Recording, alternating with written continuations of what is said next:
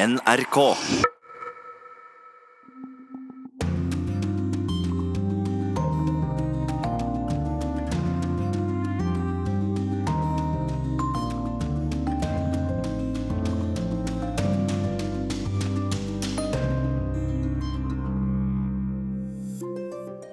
Velkommen til Urix på lørdag, her i studio Øystein Heggen. Snører nettet seg om Donald Trump? Forstå alt som har skjedd denne uka på fire minutter med Anders Magnus. Jeg kaller det justis i hermetegn, sier Trump, som nok en gang demonstrerer sin forakt for USAs justisvesen, og særlig den justisminister han selv har utnevnt. USA og Europa seiler fra hverandre under Trump. Hva gjør Angela Merkel og resten av EU? Vi analyserer utviklingen sammen med Norges ambassadør til Tyskland, Petter Ølberg. EU og Storbritannia seiler fra hverandre etter brexit. Britene forbereder seg på at det kan bli brudd i forhandlingene. Våre korrespondenter oppdaterer deg. Og millioner rømmer fra krisen i Venezuela. Fluene krabber på illeluktende kjøttdeig som er i ferd med å bli grått på markedet i Maracaibo. Hvorfor er det gått så galt i det latinamerikanske landet? Vi forteller deg det. Og vi har også fulgt eh, Sverigedemokraterna på valgkamp i Småland. Vi skal høre fra finner som vil bygge jernbane til Kirkenes, og korrespondentbrevet kommer fra Polen.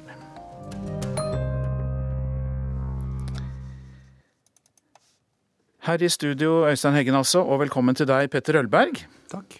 Norges ambassadør til Tyskland og eh, i Oslo for tiden. Alle ambassadører er jo hjemme til en gedigen klassefest, eller det er kanskje bedre å kalle det samlingsstund. Eh, Hvor nyttig er det å samles alle sammen slik en gang i året? Det er svært nyttig. Vi er 100 stykker som samles. Vi får påfyll eh, hjemmefra av utenriksminister og andre regjeringsmedlemmer, og vi har inngående diskusjoner med hverandre og kan sammenligne litt hva som skjer i verden. Vi skal snakke med deg om forholdet USA-Tyskland, EU etter brexit og om tysk innenrikspolitikk etter hvert. Nå til USA, for det har stormet rundt eh, USAs president Donald Trump nok en gang den siste uka. Han har blitt anklaget for å ha beordret en forbrytelse. Han har hyllet en tidligere medarbeider som ble kjent skyldig i omfattende økonomiske forbrytelser, og han har nok en gang skjelt ut sin justisminister og vist sin forakt for USAs rettsvesen. Vi trenger å få satt alt dette i sammenheng. Her er vår USA-korrespondent Anders Magnus. Det har vært litt av en uke, som de sier i herreavdelingen. Nyheter om USAs president og hans nære medarbeidere ruller inn uten stans, og det er heller ikke småtterier de har vært med på. Nære medarbeidere, sa jeg, nå vel, ikke så nære lenger etter at de har snudd seg mot Trump, flippet som det heter her, og hjelper etterforskerne med å avdekke forbrytelser der presidenten muligens har vært delaktig.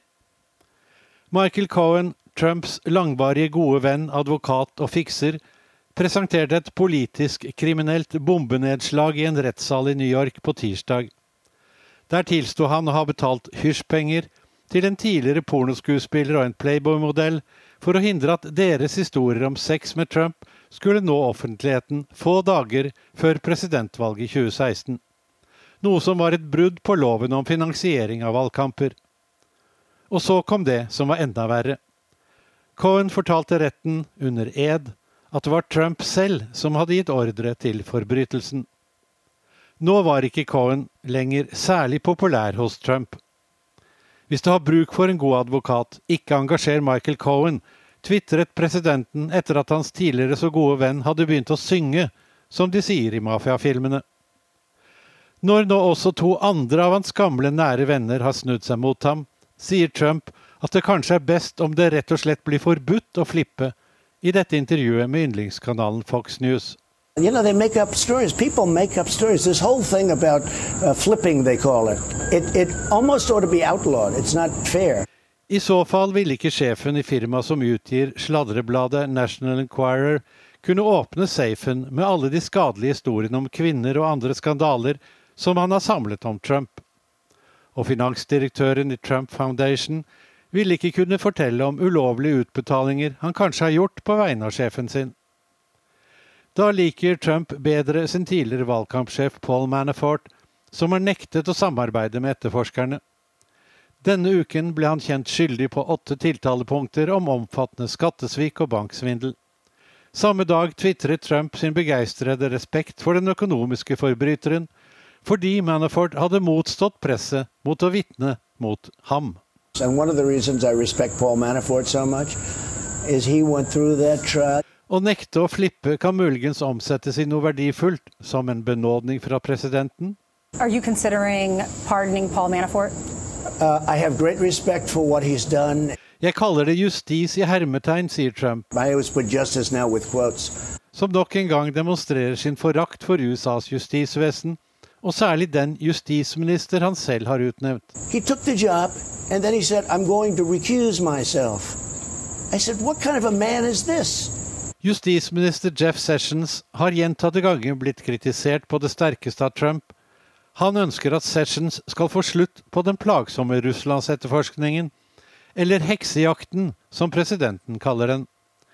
Men Sessions står fast på at han skal følge loven og tjene det amerikanske folket slik grunnloven fastsetter, ikke sjefen. For første gang tok han denne uken kraftig til motmæle mot Trump og skrev i en uttalelse at så lenge jeg er justisminister, vil departementet aldri bli dirigert av upassende politisk påvirkning.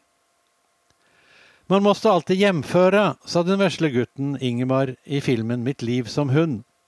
Forsøk å se det for deg. Statsminister Erna Solberg hyller en skattesviker og banksvindler fordi han har holdt kjeft om henne til politietterforskerne. Og så skjeller hun ut sin tidligere advokat etter at han forteller i retten under ed at statsministeren har beordret ham til å begå en forbrytelse. Hvor lenge tror du Erna Solberg ville blitt sittende som statsminister? Men dette er USA. Ja, det er uvanlige forhold i USA og situasjonen der, og Donald Trump påvirker jo også omverdenen og USAs allierte. Og Petter Ølberg, du er jo introdusert allerede som vår gjest i Urix på lørdag, Norges ambassadør til Tyskland. Og med Trump i Det hvite hus nå halvannet år etter, hvordan har Tyskland og Angela Merkel tilpasset seg?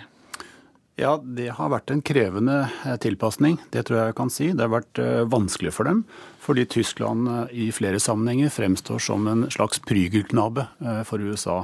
Det gjelder både på handelssiden, fordi Tyskland har store handelsoverskudd med USA, og det gjelder i sikkerhetspolitikken, fordi tyskerne har en ganske lav andel av sitt forsvarsbudsjett av BNP.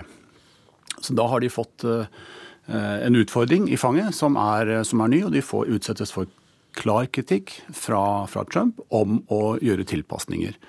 Det gjør de, de er villige til å snakke, men de sier også at de syns avstanden over Atlanteren er blitt større. De syns det er vanskelig å forholde seg til Trump, fordi han er mest pga. at han er blitt så uforutsigbar. Så de, de har lansert et initiativ, Merkel og den tyske utenriksministeren, om å lage en allianse av likesinnede land som egentlig baserer seg på å bygge opp et, ha et multilateralt system som er regelbasert. Og de sier at uh, også USA må gjerne være med her, men i fraværet av USA, eller et USA som ikke forholder seg til det, så må vi gå videre vår egen vei. Og Tysklands utenriksminister har jo nylig, altså Heiko Maas, tatt til orde for å styrke Europas autonomi ved å skape et betalingssystem som er uavhengig av USA. Hva tror du om realismen i det? Ja, jeg, det er ingen tvil om at dette er veldig krevende. Og det, det handler om Iran. Eh, fordi eh, pga. sanksjonene, de amerikanske sanksjonene mot eh, selskaper som gjør forretninger med Iran. Tyskland har mange store bedrifter som i utgangspunktet kunne gjort gode, god business i Iran. Men de forhindres fra det, eh, og det er ikke mulig å få gjort betalingene. Fordi alle betalingstransaksjoner mellom land, inklusiv med Iran, før eller siden må innom en amerikansk bank. Så dette tror jeg faktisk er veldig krevende. Det vil nok være mulig, men det vil kreve mye, og det vil, det vil ta lang tid. Og så er det en stor utfordring til, selvfølgelig. Det er brexit, som mm. Tyskland og EU må forholde seg til. Britene forbereder seg jo på at brexit går i vasken. I hvert fall truer de med at de er forberedt, at de ikke får noen avtale. En kriseplan blir jo lagt fram denne uka, og forhandlingene med EU er jo i sluttfasen.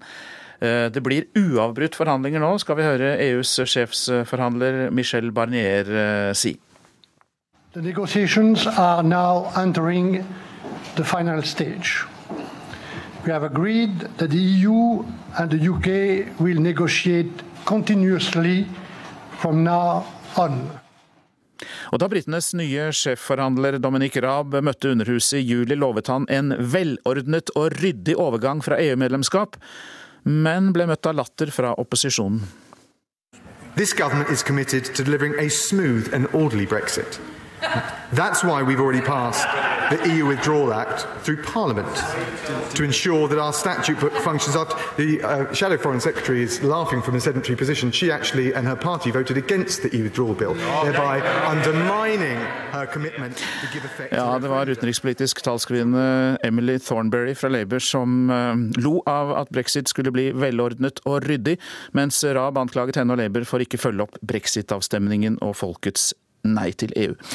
Nå skal vi ta pulsen på brexit og ha med oss eh, Storbritannia-korrespondent Øyvind Nyborg eh, på tog fra London til Manchester, og korrespondent i Brussel Philip Lote. Og først til eh, deg, Øyvind. Altså, vi har jo en 44 år gammel Rab med ungdom, vitalitet og sort belte i karate. Kan han være den rette til å stå opp mot EU? Vel, Han trenger eh, definitivt både frist mot og kampvilje dersom man skal klare å, få forhandlet fram eh, denne storstilte handelsavtalen med EU da, eh, innen det som var den opprinnelige fristen, som egentlig var satt til EU-toppmøtet i oktober. Rab han er optimist, han. det vi, hørte vi her. Han har god tro på en avtale. Uh, og Han har også vært ute denne uka her og sagt at uh, vel, det er bare på kort sikt at eh, Storbritannia vil lide dersom man ikke får til noe avtale i det hele tatt. Det er gode tegn eh, til at det kommer til å gå bra i det store og det hele. Og så vil han jo gjøre dette her for å spille tøff i forhandlingene i innspurten. Vise at de er villige til å forlate forhandlingssporet dersom tilbudet fra EU ikke er godt nok for dem. Philip Lote, så har vi da motparten, den 67 år gamle, meget erfarne EU-politiker og tidligere franske utenriksminister Michel Barnier. Eh, vil han trekke det lengste strå? Det som er den eldre statsmannens fordel her, Michel Barnier, er at han har en sterkere posisjon i sitt eget system, altså i EU, enn det Rab har i Storbritannia, og det Rab har i sitt eget parti og den britiske regjeringen, som i større grad har vært preget av uenighet. Og Barnier har med sin bakgrunn som ansvarlig for EUs indre marked, og som tidligere som du sa, fransk utenriksminister, men også landbruksminister, et veldig godt kontaktnettverk. Eh, han vet eh, hvilke interessemotsetninger det finnes i EU. Eh, han kan ganske raskt komme i kontakt med de viktigste regjeringssjefene hvis han må diskutere forhandlingsposisjoner og hva man kan gi og hva man eh, må ha.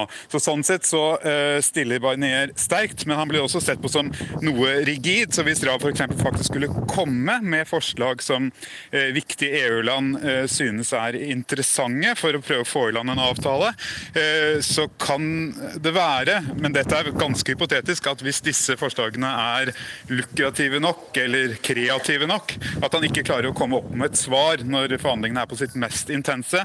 Men samtidig så er som sagt både Macron, Merkel, Juncker, eh, de andre EU-toppene eh, bare i verste fall en kort telefon unna. Så han, han har en, en god posisjon, og han har et ganske klart mandat fra EU og EUs medlemsland. Øyvind Nyborg, vi går til deg nå. Hva blir det vanskeligste i månedene som gjenstår? Ja, Torsdag så, så vi Dominic Raab eh, ta fram lommetørkleet og tørke svetten eh, veldig mange ganger. Eh, men han har jo god støtte i det som kanskje trolig er verdens beste diplomati. Men den store elefanten i rommet er grensen mellom Irland og Nord-Irland. Og hvordan man kommer til å løse den. Foreløpig har jo partene bare skjøvet det problemet foran seg, men det blir jo ikke borte av den grunn. Foreløpig har EU sagt at Nord-Irland bare må forholde seg til EUs e regler. Men det blir ikke særlig godt mottatt uh, verken her i London eller i Nord-Irland. Jeg tror at uh, det vanskeligste ikke nødvendigvis kommer til å skje på forhandlingsbordet i Brussel, men uh, ved den politiske kamparenaen i London. For her nå, bare sju måneder før brexit skal skje, så er det nesten full krig om hvordan og hva landet egentlig vil. Ja, ikke nødvendigvis det vanskeligste i Brussel, sier du Øyvind Nyborg. Philip Lotte, det er vel sånn at de faktisk eh, er blitt enige om en god del ting? Ja, og Dette er et interessant spørsmål. for Hvis du googler brexit, så får du tre alternativer. Det første er 'what is it'? Uh, 'What is article 50', altså artikkel 50, denne utmeldingsparagrafen. Og på tredjeplass så kommer det 'what is agreed'. Og hva er det som faktisk de er blitt enige om? Jo, en utmeldingssum uh, på 40-50 milliarder euro eller pund, uh, litt avhengig av hvordan man regner på det, når Storbritannia går ut. man har i prinsippet blitt enige om at både EU-borgere i Storbritannia og britiske europeiske borgere i EU og EØS skal kunne beholde sine rettigheter. Man har blitt enige om en overgangsperiode på to år. Og så er man i prinsippet, men dette er bare i prinsippet, enige om at grensen mellom Irland, som da blir værende i EU, og Nord-Irland, som blir med Storbritannia ut av EU, Eh, den skal ikke være en hard grense, den skal tilpasses, sånn at man eh, ikke får tilbakegang til eh, de fiendtlige forholdene og den vanskelige tidene man hadde før. Men dette er da, som Øyvind sa, det store spørsmålet. Man har ikke klart å avklare hvordan dette skal gjøres i praksis. Og dersom man heller ikke nå blir enige om en sluttavtale, altså en avtale om det fremtidige forhold, så gjelder jo ingenting av dette man har blitt enige om. Så alt avhenger nå at man får til en avtale om hva skal det fremtidige forholdet mellom EU og Storbritannia være. Og som Øyvind sier, det må gjennom det britiske parlamentet, og litt lettere, det må også gjennom eh, EU-parlamentet. Ja, Øyvind Nyborg, hva skjer da dersom det blir nedstemt i Underhuset og eller eh, Overhuset? Det er eh, et litt teknisk spørsmål, men altså dersom de stemmer ned avtalen eller at ikke det er noe avtale i det hele tatt eh, klar innen 21.1, så går ballen tilbake til regjeringen, som i sin tur da må gå tilbake til Underhuset med sitt neste trekk. Men hva som skjer da, og hvem som egentlig sitter med nøkkelen til slutt, regjeringen eller Underhuset, er fortsatt litt uklart. Eh, før det skal skje, så skal vi gjennom en eh, thriller av en høst her i London. Hvem som sitter ved makten eh, innen jul er kanskje litt uklart. Og I tillegg så snakkes det høyere og høyere om en ny folkeavstemning. Det er spennende det som skjer med brexit, og vi vet jo ikke helt utfallet av disse forhandlingene. Petter Ølberg, Norges ambassadør til Tyskland, du er vår gjest i dag. og Hvordan ser du Tysklands rolle innenfor eh, det dramaet som nå spiller seg ut eh, mellom EU og eh, Storbritannia? Tyskland er jo da det største landet i EU og den største økonomien, og har også store interesser. Og de spiller naturligvis en, en nøkkelrolle. Selv om det formelt er EU-kommisjonen og Barnier som forhandler på vegne av EU, så er det jo slik at de får sitt mandat fra medlemslandene. Og jeg tror jeg kan si eh, ganske sikkert at tyskerne har forberedt seg og tenkt gjennom absolutt alle scenarioene her. Eh, enten det blir en avtale eller ikke blir en avtale. Og gir sin, eh, sine innspill til Barnier på det grunnlag. Så tror jeg de er veldig bekymret for at det ikke skal gå bra. Eh, det er tyske, store tyske interesser eh, på spill her også, selv om ikke Storbritannia er den største handelspartneren for Tyskland på noe vis så er det mye biler som eksporteres, det er mange tyskere som bor i England osv. Så, videre, og så, videre. så de har en helt klar interesse av at det blir en avtale, at dette skjer på en ordentlig, ordentlig måte. Men om det kommer til å skje, det er en annen sak. Og det Merkel jo også er helt tydelig på, det skal vi ikke glemme. Det er to ting. Det ene er at hun har vært helt klokkeklar på at EU 27, altså rest EU uten England, er viktigere eh, for Tyskland enn England alene. Og det andre er at eh, de er opptatt av signaleffekten. Altså at kostnaden eh, ved å gå ut blir tydelig, for ikke å friste for mange andre til å følge etter. Det skal koste, men eh, som vi hørte Philip Lote sa, eh, Angela Merkel er bare en telefonsamtale borte fra Barnier, så det kan vel tenkes at de trekkes veldig aktivt inn på slutten? Det vil jeg tro. Og det er de store medlemslandene, Frankrike og Tyskland, som nok er de nærmeste til å, til å følge opp dette. Men de passer også på, at, og de er interessert at det blir en avtale. Når det gjelder Storbritannia, så er det jo mye uro der rundt eh, brexit. Eh, men det har jo faktisk da også vært en del uro i Tyskland i det siste. Eh, litt vanlig, for der er, jo, er vi jo vant til at det er mer stabilitet. Altså, CDU-leder og, og forbundskansler Angela Merkel har jo vært i en strid med innenriksminister Horst Seehofer fra det bayerske søsterpartiet CSU om asylpolitikken.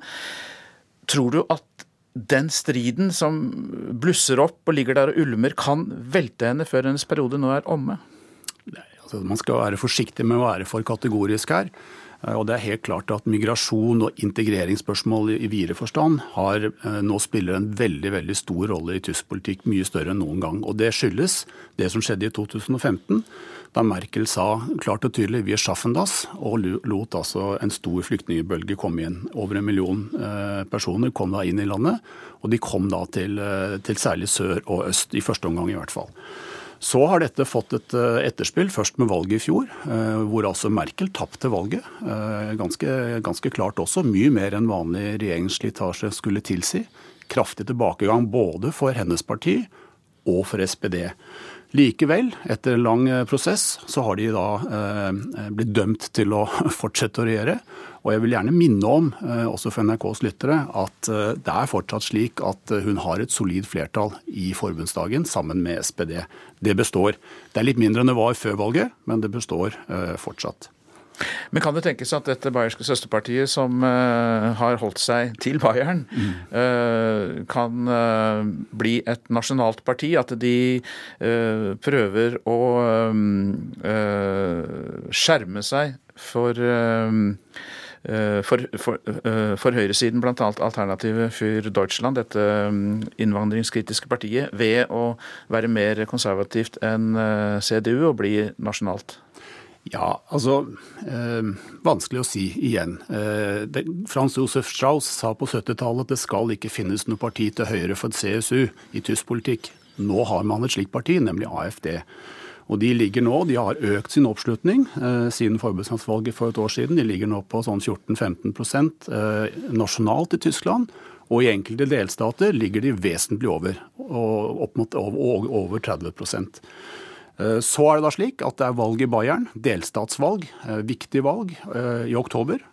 Eh, og det er det som skaper, har skapt mye av denne dynamikken. Og Seehofer er da innenriksminister for Tyskland, kommer fra Bayern, representerer CSU og prøver å score eh, på å fremme eh, innvandring som, som, viktig sak, og at de er tøffere i migrasjonspolitikken enn Merkel eh, selv er.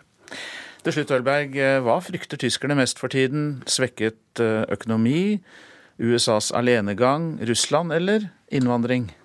Jeg tror nok at svaret er innvandring. Det er i hvert fall ikke økonomien, for den går så det suser. De har ikke hatt så lave arbeidsledighet på, på 20 år. Eh, så det går veldig veldig bra. Eh, jeg tror heller ikke de frykter Russland. Den er ikke, det er ikke noe sånn påfallende russlandsfobi å, å, å, kjenne i Tyskland. Eh, de er bekymret for det som skjer i USA, det var vi innom. Men migrasjonen og all, hele integreringspolitikken er, er, høyt oppe. Vi ser det. Ref. Øsil-saken f.eks. Ref. Hvor, hvor tematisk dette gjøres. Det er nok det som mange er opptatt av. Hjertelig takk for at du kom til Urix på lørdag. Petter Ølberg, Norges ambassadør til Tyskland.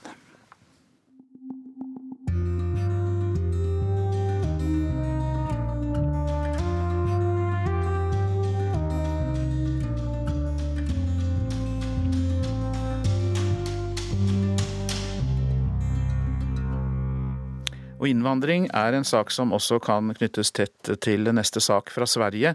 De kalles rasister, og deres motstandere mener de er en trussel mot demokratiet. Likevel kan det ytterliggående høyrepartiet Sverigedemokraterna bli et av Sveriges største partier etter riksdagsvalget om to uker. Innvandring er blitt et viktig tema, altså, og Sverigedemokraterna krever at all innvandring til Sverige skal stanses, fordi de mener at landets myndigheter ikke greier å integrere de som kommer. Har man sagt ja til å bosette seg i Sverige, så har man også formodentlig beaktet de lager og regler som vi lever etter. Rosengård, en bydel i Malmö. Her har nesten 90% av innbyggerne utenlandsk bakgrunn. Bydelen er plaget av sosial uro og omtales som et parallellsamfunn. Et miljø der svenske myndigheter har liten eller ingen kontroll. Denne uken deltok Jørgen Grobb fra Sverigedemokraterna i en debatt her. Jeg tror at vi er eh, opplevd som ærlige. Vi er ikke redde å, å si når, når, det kanskje er noe tråkig beskjed vi må si til velgerne, så, så, så, sier vi det. Det endte ikke med forsoning og forståelse. Innvandringsspørsmålet splitter det svenske samfunnet. Fordi ni forsøker svartmale islam. Vi reiste til et område der Sverigedemokraterna er store, til Småland i det sørlige Sverige. Her blant bondegårder og småbyer har partiet hatt nærmere 30 oppslutning på enkelte meningsmålinger. Vi kom til det lille tettstedet Nessjø. Her, på torget ved valgboden til Sverigedemokraterna, står Anders Varell og snakker med velgere. Han har på seg en blå skjorte med partilogoen på brystet. Ja, jeg syns det er trivelig. Vi får et positivt bemøtende av de fleste. Och eh, det känns som det är en god stämning och en optimistisk anda inom vårt parti. Och det är klart att prognoserna, opinionsundersökningarna bekräftar ju att det går åt rätt håll för vår del.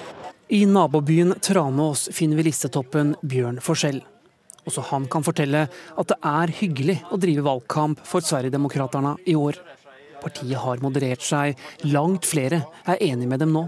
Det viktigste saken er jo at vi bevarer Sverige som, som det har vært og som, som det er tenkt. At, og de som kommer hit får anpasse seg etter våre regler og våre lager, så er det absolutt ingen problem.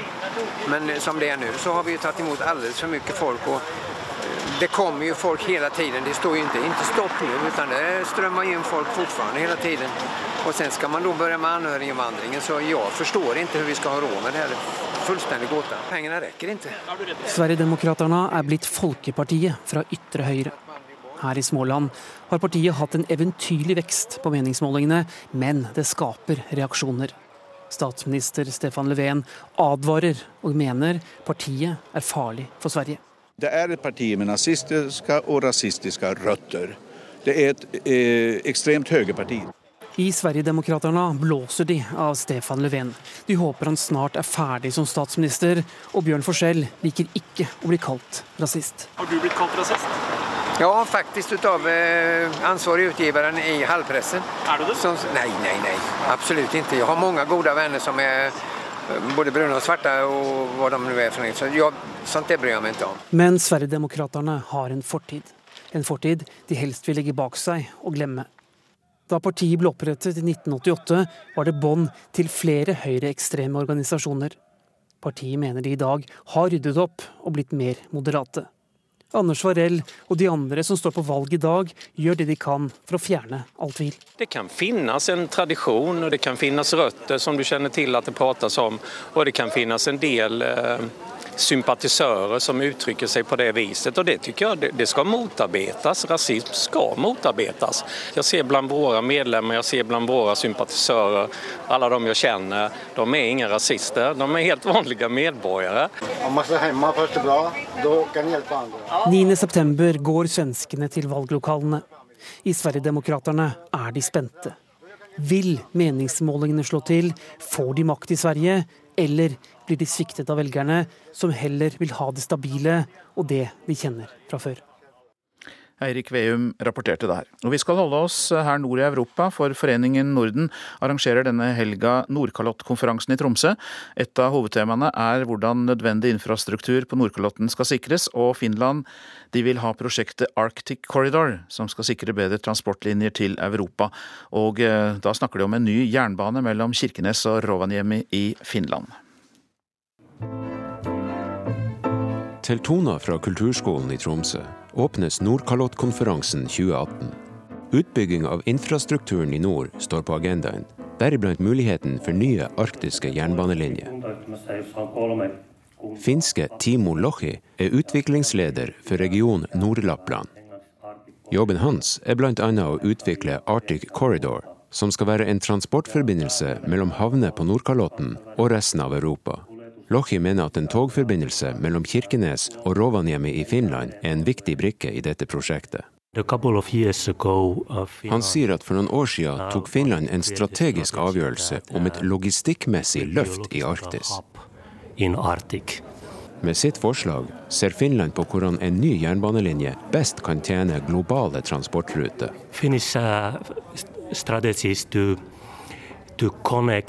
Lochi forklarer videre at den finske strategien går ut på å koble Europa med både Nordkalotten og Asia via isfrie sjøveier.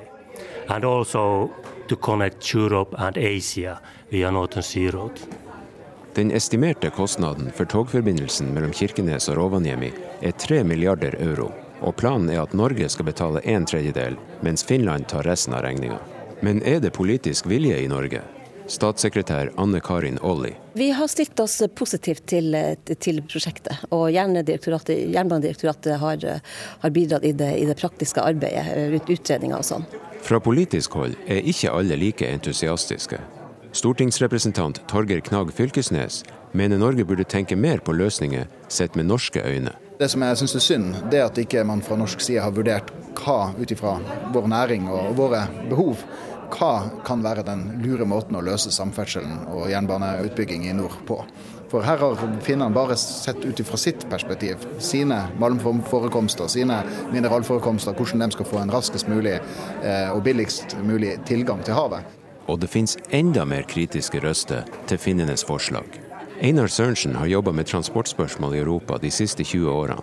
Eh, de nordiske land har eh, forplikta seg til sterk reduksjon av alt som heter utslipp av særlig CO2-gasser innen 2030.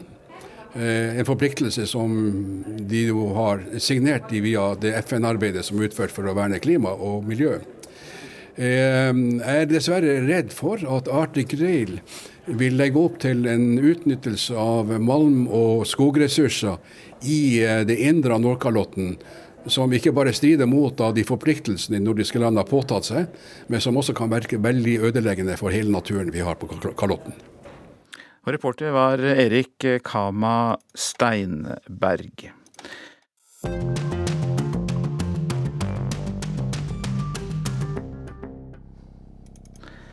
Og her i eh, Urix på lørdag skal vi eh, fortsette, bare jeg finner den rette rette introduksjonen. Vi skal nemlig til Venezuela. De siste fire årene har 2,3 millioner mennesker forlatt landet, som kalles den største folkevandringen i Latin-Amerika i moderne tid. De flykter fra en økonomi i fritt fall. Fra hyperinflasjon, mangel på strøm, på matvarer, medisiner og vann. Fra økende kriminalitet og vold Wenche Eriksen har sett på noen av årsakene til at den en gang så rike oljenasjonen er havnet der den er i dag. Fluene krabber på illeluktende kjøttdeig som er i ferd med å bli grått på markedet i Maracaibo. Det har vært nok et strømbrudd som har vart i flere dager, og uten kjøleskap så råtner jo kjøttet. Slakteren har blandet bedervet kjøtt med friskt. Han er jo nødt til å tjene penger, og Eudis Luna han må ha mat til de tre barna sine, så han kjøper det billigste han finner.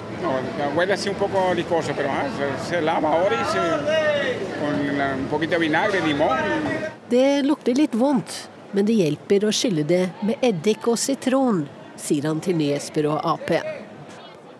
Slik er hverdagen nå i Maracaibo, den en gang så rike oljebyen som ble omtalt som Venezuelas Saudi-Arabia. Landet helt nord i Sør-Amerika har en fortid som en av verdens største oljeeksportører, og har fremdeles verdens største påviste oljereserver, men ligger likevel helt nede for telling når det gjelder økonomien. Så hvordan kom de der de er i dag, i de verste nedgangstidene i landets historie?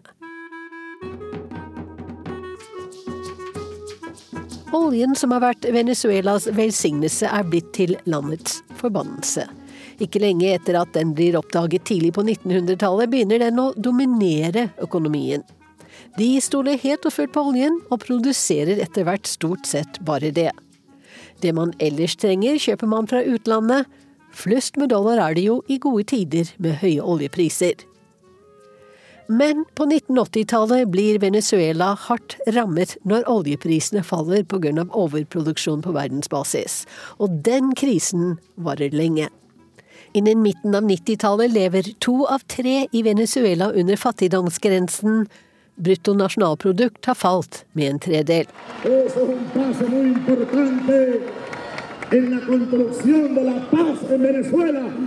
Ikke rart da at populisten og sosialisten Hugo Chávez ble valgt til president i 1998, og med hjelp av nye, høye oljepriser og en full statskasse gjennomfører omfattende og dyre velferdsreformer. Arvtakeren Nicolas Maduro fortsetter med det samme, helt til oljeprisene stuper igjen i 2014. Og det er ikke bra når 95% av statens inntekter kommer fra olje. Dollarinntektene skrumper inn, det blir mindre penger til å importere varene folk vil ha. Tilbud og etterspørsel slår inn, prisene går rett til værs.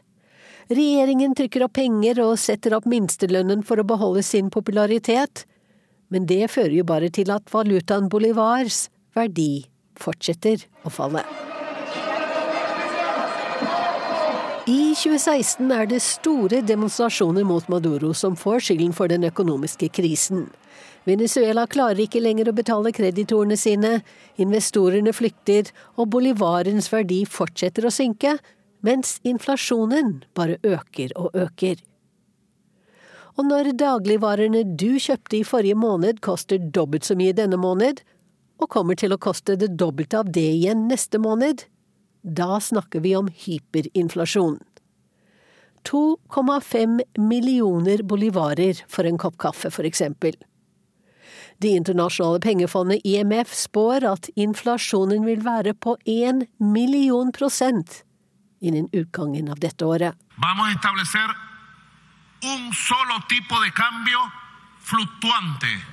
President Maduro har en plan for å bekjempe hyperinflasjonen. Han kunngjør en ny vekslingskurs som innebærer en devaluering av valutaen med 96% Mandag kom det nye pengesedler som stryker fem nuller i forhold til de gamle. Momsen økes fra 4 til 16% og minimumslønnen den skal økes med 3,5 1000% uten at det utgjør veldig store beløp for folk i Venezuela. 1.800 bolívares devengarán los trabajadores en salario mínimo. Wenche Eriksen hadde laget eh, denne reportasjen. Og En som kjenner Venezuela godt, er professor Benedicte Bull ved Senter for utvikling og miljø ved Universitetet i Oslo, som forteller hvorfor alt gikk så galt i landet som er så rikt egentlig var Venezuela ganske urolig. Mange kupp og et eh, diktatur fra 1948 til 1952. Men så kom de to store partiene til en avtale eh, om maktfordeling og prinsippene for demokratiet. Og derfra og fram til 80-tallet så var Venezuela stabilt. Man hadde økonomisk vekst og også en utviklingspolitikk og sterk forbedring på de fleste sosiale indikatorene. Eh, så kom da 80-tallet med oljeprisfall og eh, en enorm eh, både økonomisk og sosial krise i Venezuela. Eh, I tillegg til at da man fikk mye mindre inntekter til statskassa, så var man også, gikk man inn på en såkalt strukturtilpasningspolitikk og kuttet i sosiale utgifter, og ulikheten og fattigdommen eksploderte. Og så var det jo Hugo Chávez som kom til makten i 1999. Var det da på en bølge av protester mot uh, nettopp det som hadde skjedd? Altså at uh, sosiale goder var uh, fjernet og økonomien hadde blitt vanskeligere? Ja, det var en bølge av protester, også som ble slått ned med bruk av stor grad av vold. Men jeg tenker det var jo også et resultat av at denne pakten som disse to store partiene inngikk, den hadde gradvis blitt smuldret opp. Den var jo basert på også eksklusjon av de mer radikale kreftene. Det var på en måte en sånn kaldkrigspakt. Disse partiene var også bygget opp på en ganske sånn klientilistisk og korrupt måte. Og etter hvert så, eh, så var det en stor grad av forråtningsprosess i begge leire. Eh, og de kandidatene som han, en av de viktigste kandidatene som Hugo Chávez da stilte mot i 1998, var jo tidligere Miss Universe uten noe som helst politisk erfaring. Så det er et politisk og økonomisk system i total krise på 90-tallet. Eh, og så kommer figuren Hugo Chávez, som folk ser på som en redningsmann. Er det så enkelt at vi da kan konkludere med at det var Chávez og hans etterfølger Nicolas Maduro som har skylda for den miseren vi ser i Venezuela nå? Det er helt klart en del strukturelle forhold som ligger til rette for det forut for eh, Hugo Chávez også. Oljeavhengigheten er jo ikke ny i Venezuela, eh, og heller ikke korrupsjonen som, landet preges av nå.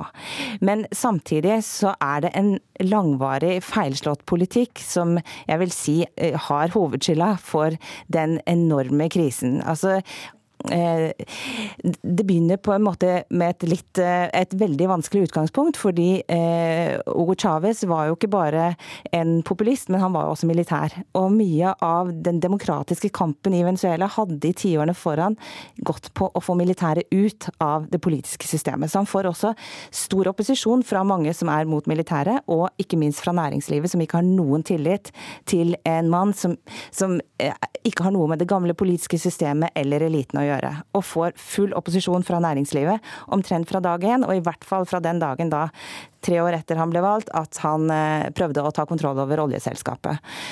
Derfra har du en full krig med næringslivet og veldig vanskelig å finne gode politiske løsninger. Men når det er sagt, så kjører han da fra ganske tidlig en politikk som er feilslått, og særlig den økonomiske politikken, vil jeg si.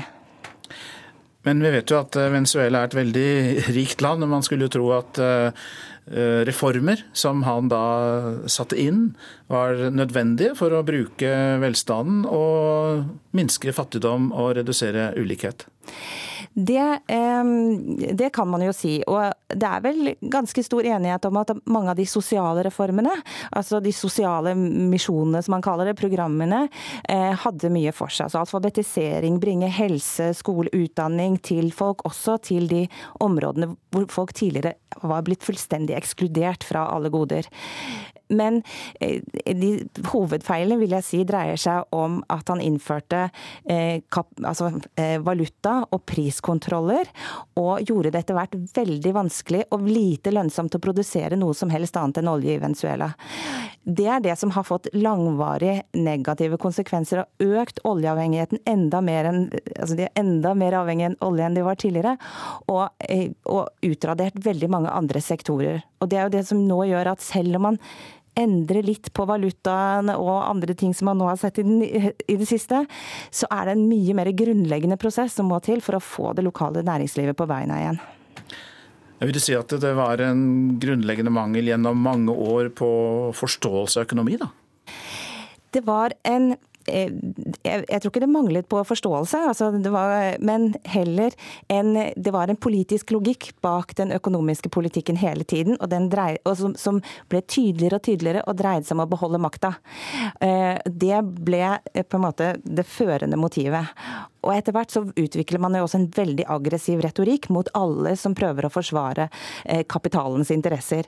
Så Eh, og I en sånn situasjon så er det rett og slett ikke prioritet å, å styrke næringslivet, utover noen grupper da, som viste politisk eh, lojalitet til regimet. Hva tror du er eh, Venezuelas muligheter nå til å komme ut av den krisen landet er i? Akkurat nå så eh, ser det fryktelig mørkt ut. og eh, En av grunnene til det er at man har på en måte gradvis stengt alle mulighetene for dialog og demokratisk politisk deltakelse og finne en, løsning gjennom eh, rett og slett gjennom det systemet man har hatt. Og man har undergravd fullstendig de institusjonene som faktisk eksisterte for å finne løsninger. Toppet med at man etablert en sånn grunnlovsgivende forsamling som helt har tilsidesatt nasjonalforsamlingen i fjor. Um, så det er veldig vanskelig å se hvor løsningene skal komme fra. Det som har skjedd nå i det siste, er jo at man har innført en pakke med økonomiske reformer som endrer nok litt på hvem som sitter med kontrollen med valuta, som er veldig viktig. Og, altså, som, det blir en endring i det politiske maktbalansespillet. Og det kan jo føre til noen positive endringer. Altså, det man burde fått, var en avtale hvor man eh, mellom opposisjonen og regjeringen eh, hvor hvor man på en måte bestemmer seg for å begynne på nytt og, og gir og tar. Men mulighetene for det akkurat nå ser jeg som veldig, veldig små.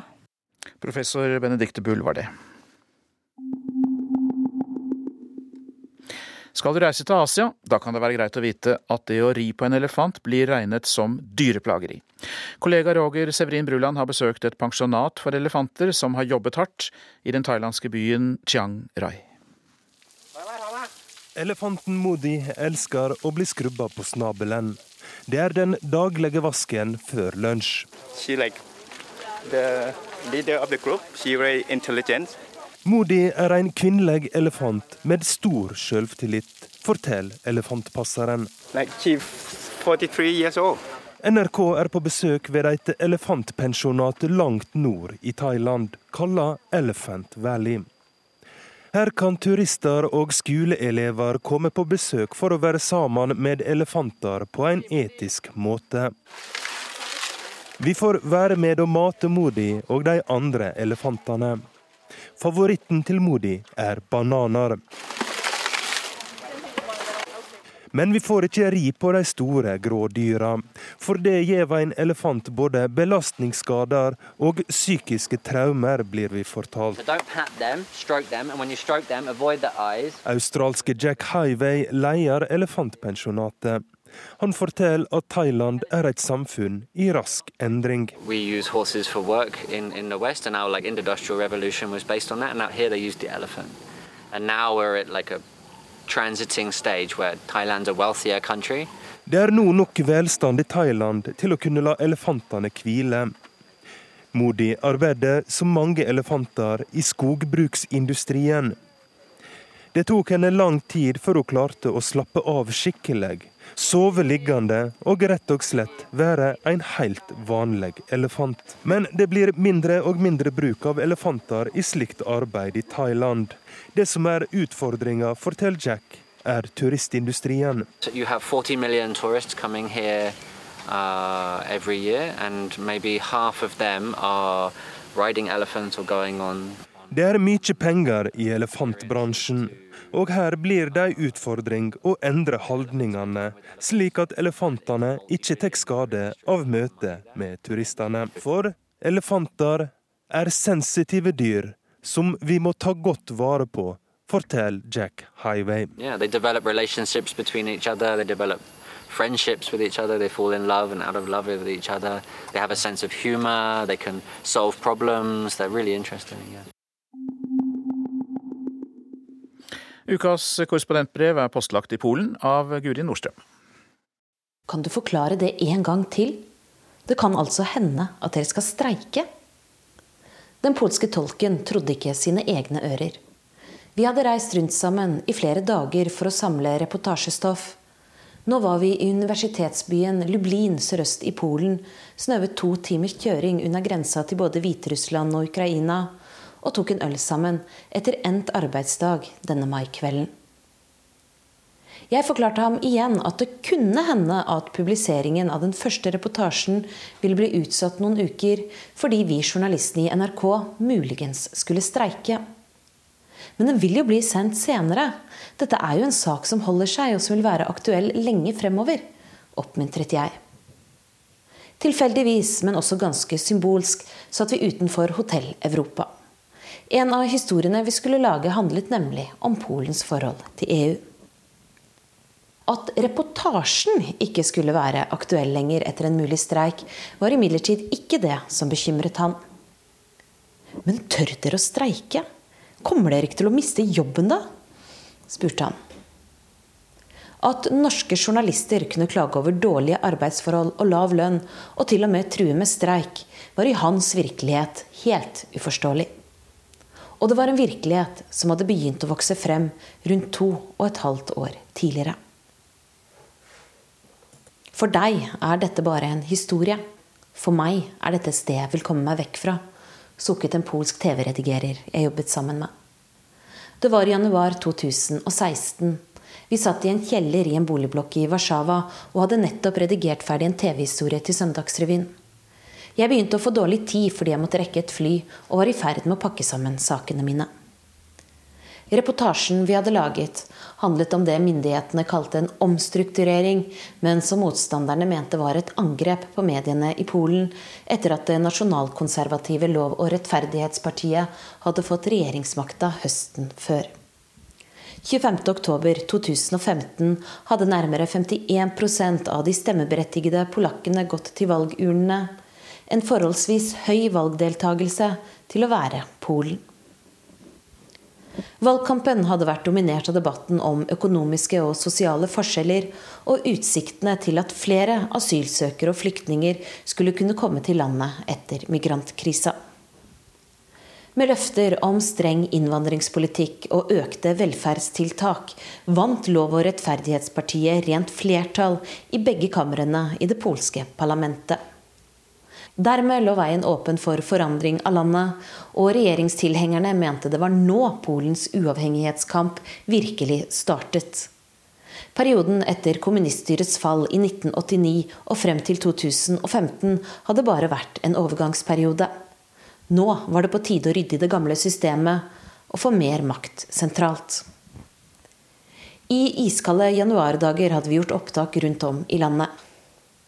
I landsbyen på Svietne, der 65% av innbyggerne stemte på regjeringspartiet, hadde vi møtt folk som mente at det nye styret endelig representerte deres verdier familie, kirke, Gud og fedrelandet. Og i Warszawa hadde vi truffet en tidligere programleder i Polskie Radio, Polens største offentlige radiokanal, som brått hadde fått sparken. Hans historie var at kanalen nylig hadde fått en ny sjef innsatt av regjeringspartiet. Assistenten til den nye sjefen hadde bedt ham om å invitere et regjeringsmedlem til sitt ukentlige radioprogram. Programlederen nektet og sa sendingen allerede var planlagt.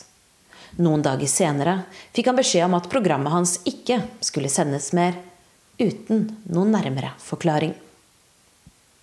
Men jeg skjønte det jo, sa han. Programmet mitt passer ikke det nåværende politiske styret. Han var den som sto fram da, men også flere journalister i den offentlige kringkastingen fortalte meg at de hadde mistet jobbene sine og blitt byttet ut med journalister som var mer positive til det nye styret. Rent sludder var svaret til regjeringspartiet selv da jeg konfronterte deres representant og daværende visepresident i EU-parlamentet, Ryszard Czarneski, om mangelen på ytringsfrihet.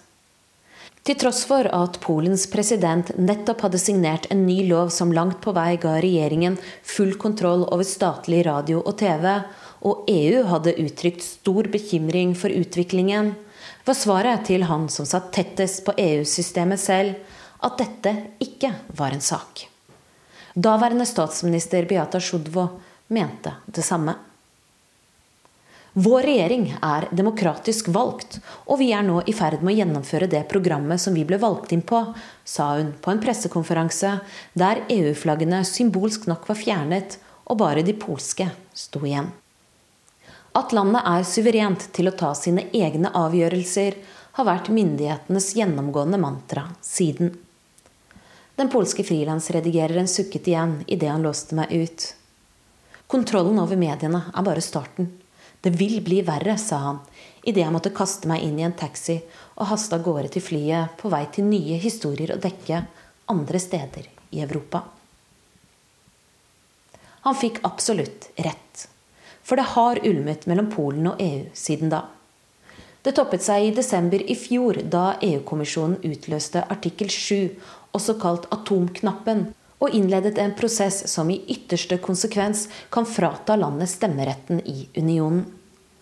Artikkelen kan aktiveres ved alvorlige og vedvarende brudd på de grunnleggende verdiene som EU-samarbeidet bygger på. Og i forrige uke ga EU landet klar beskjed om at de nå får én måned på seg til å omgjøre reformen av rettsvesenet. Hvis ikke det skjer, vil landet bli stevnet for EU-domstolen. Problemet, mener EU, er at polske politikere nå er i ferd med å få kontroll over landets høyesterett, det som jo skal være en uavhengig instans. I ytterste konsekvens kan Høyesterett bestemme om de vil godta valgresultater, så på sikt kan derfor dette bli veldig alvorlig. Regjeringen på sin side sier det er nødvendig med en reform av rettsvesenet, fordi den nå er kontrollert av dommere som er gjennomsyret av kommunisttida. Regjeringen ønsker derfor at de skal kunne velge høyesterettsjustitiarius. En tredjedel av dommerne som jobber der, har også blitt tvunget til å pensjonere seg, fordi det nå er innført en aldersgrense på 65 år. Nåværende høyesterettsjustitiarius Malgrosata Gerstorf har imidlertid nektet å la seg pensjonere. 66-åringen gikk i sommer fortsatt på jobben, til jubel fra demonstrantene utenfor Høyesterett. Hun akter å bli ved sin lest frem til seksårsperioden hennes utgår i 2020. Jeg engasjerer meg ikke i politikk, men jeg gjør dette for å forsvare loven, sa Gerstorff idet hun marsjerte inn på arbeidsplassen sin. Blant de som demonstrerte denne julidagen, var også Polens første president etter kommunismens fall og tidligere fagforeningsaktivist Lech Wałęsa. 74-åringen var skuffet over at bare rundt 4000 møtte opp. Det er alvorlig når de vil ødelegge domstolene våre. Før eller senere kan dette føre til en borgerkrig, advarte den tidligere mottakeren av Nobels fredspris. Men med så få som i dag vil vi ikke vinne mye, sukket han. For domstolenes og medienes uavhengighet føles for mange som abstrakte problemstillinger. Det er ikke det som berører folks konkrete liv her og nå. Det som teller for mange i hverdagen, er andre ting. Økonomien går godt, arbeidsledigheten er lavere enn på lenge, lønningene øker. Kort sagt har livet blitt bedre for mange. En av dem som ikke kommer til å stå på barrikadene, er åttebarnsmoren som jeg møtte i en landsby utenfor Warszawa. Hun hadde mer enn nok med ungeflokken på 2 til 19 år, men takket være det ekstra barnebidraget som regjeringen har innført, hadde dette blitt lettere. I motsetning til tidligere kunne de nå være med i idrettslag, gå i operaen og reise på ferie, fortalte hun, og mente at dette var den første regjeringen som virkelig bryr seg om vanlige folk som dem. Som utdannet historiker så hun likevel nytten av EU, og håpet konflikten snart ville løse seg.